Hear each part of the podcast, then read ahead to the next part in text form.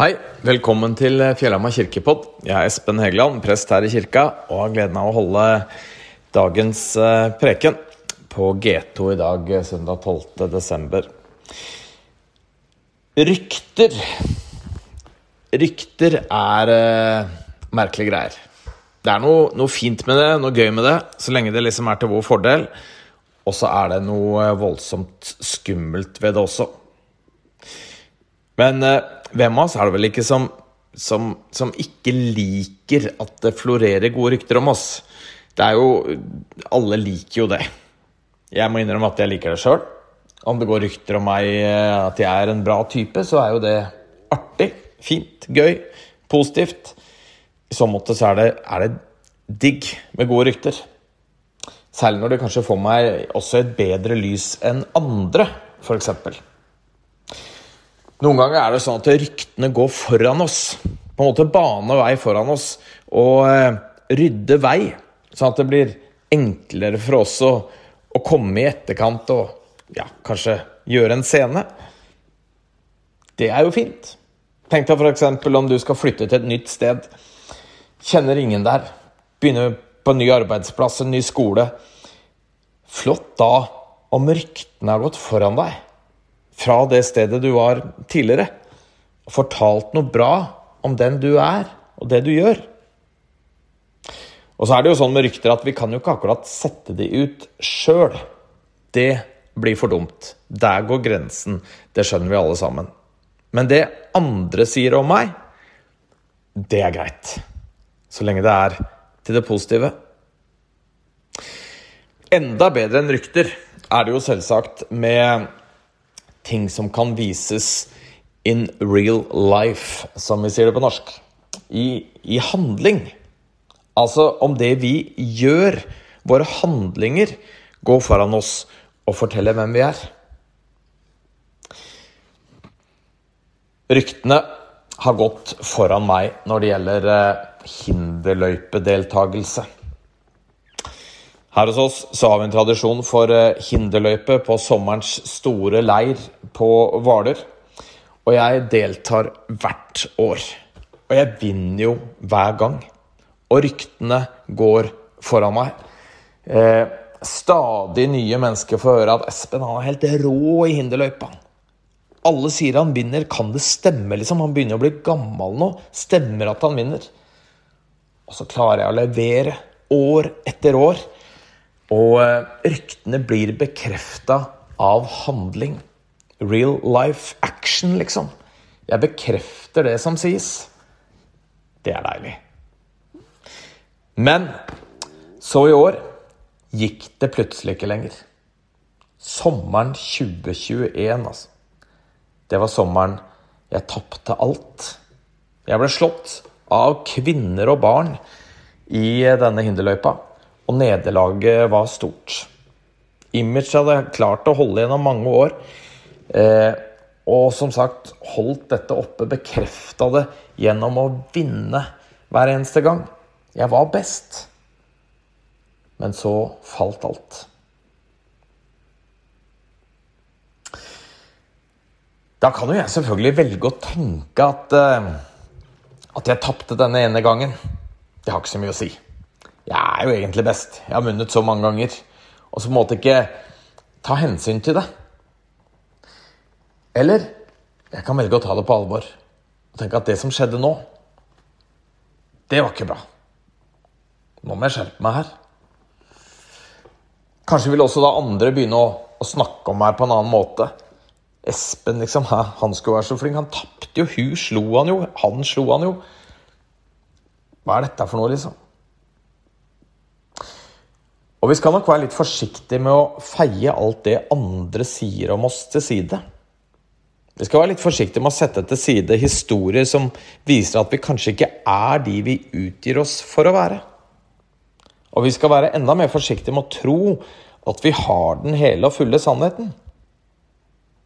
Og tenke at det andre sier, ikke betyr noe, fordi vi vet best selv, i dette tilfellet, da, at jeg er best jeg, i hinderløypa, selv om jeg taper. Ja, Det er på en måte noe fint med det. altså God selvtillit og sånn, på en måte tenke bra om seg sjøl og sånn, men det er samtidig ganske skummelt. Altså, vi må jo både tillate at andre korrigerer oss, og tillate at ting vi får til, ikke får til, ting vi gjør, at det også er med på å på en eller annen måte korrigere oss. Si oss noe om, om status, på en måte. Men så er det jo også sånn at vi som eh, tror på Jesus, vi skal jo samtidig få vite at det som bor i oss, er sannheten med stor S. Om vi så står alene med denne sannheten. Og da snakker vi jo ikke om sannhet som eh, deltakelse i hinderløypa eller være best i en konkurranse. Men den sannheten som Bibelen kommer med. Vi får jo være bærer, bærer av denne sannheten, selv om ikke vi forstår det fullt ut. Og selv om vi kanskje innimellom blir stående alene med den. Jesus sier i Johannes 5.: Dersom jeg vitner om meg selv, er mitt vitneutsagn ikke gyldig. Men det er en annen som vitner om meg, og jeg vet at hans vitneutsagn om meg er sant. Dere sendte bud til Johannes, og han har vitna for sannheten, men jeg er ikke avhengig av at noen menneske vitner om meg. Dette sier jeg for at dere skal bli frelst. Johannes var en brennende og skinnende lampe, og for en tid ville dere glede dere i lyset fra han.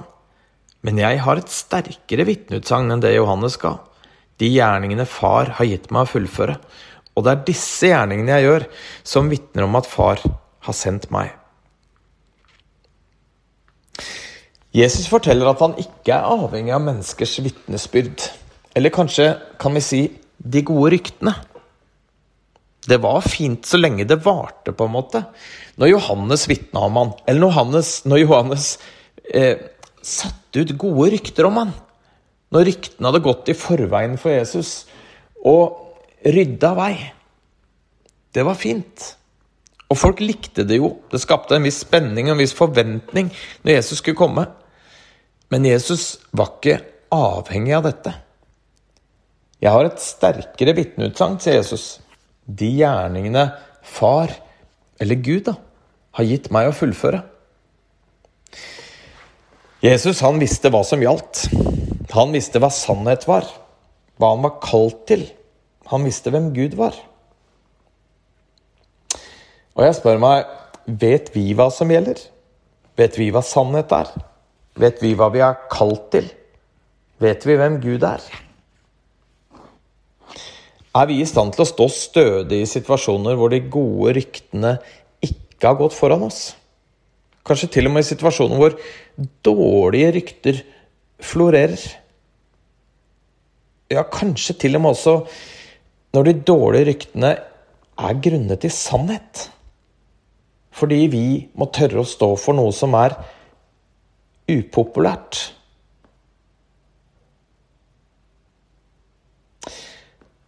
Disiplene, de sleit jo med dette.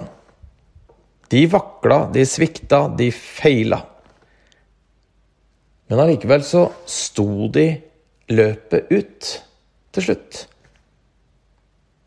Bare tenk på, på påsken. Hvordan var det vel ikke for dem å ri inn i Jerusalem, eller det var vel kanskje bare Jesus som red på dette eselet inn i Jerusalem, men de andre disiplene som fikk være med og se at eh, de gode ryktene virkelig hadde gått foran. Nå kommer Jesus. Nå kommer han til Jerusalem. Vi må ta godt imot han. Dette blir bra. Vi gleder oss. Han er den som skal fri oss ut. For så bare noen dager etterpå å svikte Jesus. Fordi situasjonen var snudd helt opp ned. Det var ikke lenger populært. Det var ikke lenger de gode ryktene som gjaldt. Men Jesus vakla ikke. For han visste hvilke gjerninger Gud hadde gitt ham å fullføre. Det spilte ingen rolle hva folk sa, for han kjente sin oppgave.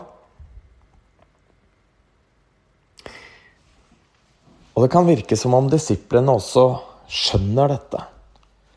De svikter der når Jesus blir tatt til fange, når Jesus blir hengt på korset.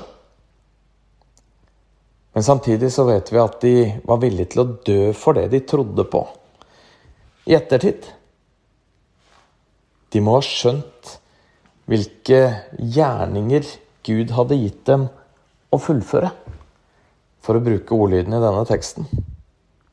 De visste sin oppgave, uavhengig av hva omstendighetene, som f.eks. de gode ryktene, sa. Så om det så hadde vært min oppgave her i livet å herje i denne hinderløypa år etter år, ja, da skulle jeg tålt årets nederlag og bli slått av både kvinner og barn sommeren 2021. Reist meg igjen og kommet tilbake. Fordi jeg visste det var de gjerningene Gud hadde gitt meg å fullføre. Men så er jo selvfølgelig ikke tilfellet. Min tid som hinderløypekonge er omme. Men hva om det hadde vært en annen oppgave jeg var satt til? Som jeg hadde hatt utfordringer med, lidd nederlag med, blitt slått i, følt meg ydmyket i. Hadde jeg da gitt opp? Selv om dette kanskje i bunn og grunn dreide seg om de gjerningene Gud hadde gitt meg å fullføre. Min oppgave. Hvor avhengig er jeg av de gode ryktene? Av opptur? De gode omstendighetene? Og hvor støtt står jeg i det Gud har lagt i meg? Nå er det jul. Ikke riktig enda, men ganske snart. Og mange av oss får tid til å reflektere tenke, grunne, lese. Bruke tid på en litt annen måte enn vi vanligvis får. Og min oppfordring, oppfordring til deg, og også til meg selv denne jula, er å bruke litt tid på det her. Hva har Gud lagt i meg? Hvilke gjerninger er det Gud har gitt meg å fullføre, som jeg skal stå i, helt uavhengig av både rykter og andre omstendigheter. Fortsatt god advent, og etter hvert en riktig god jul.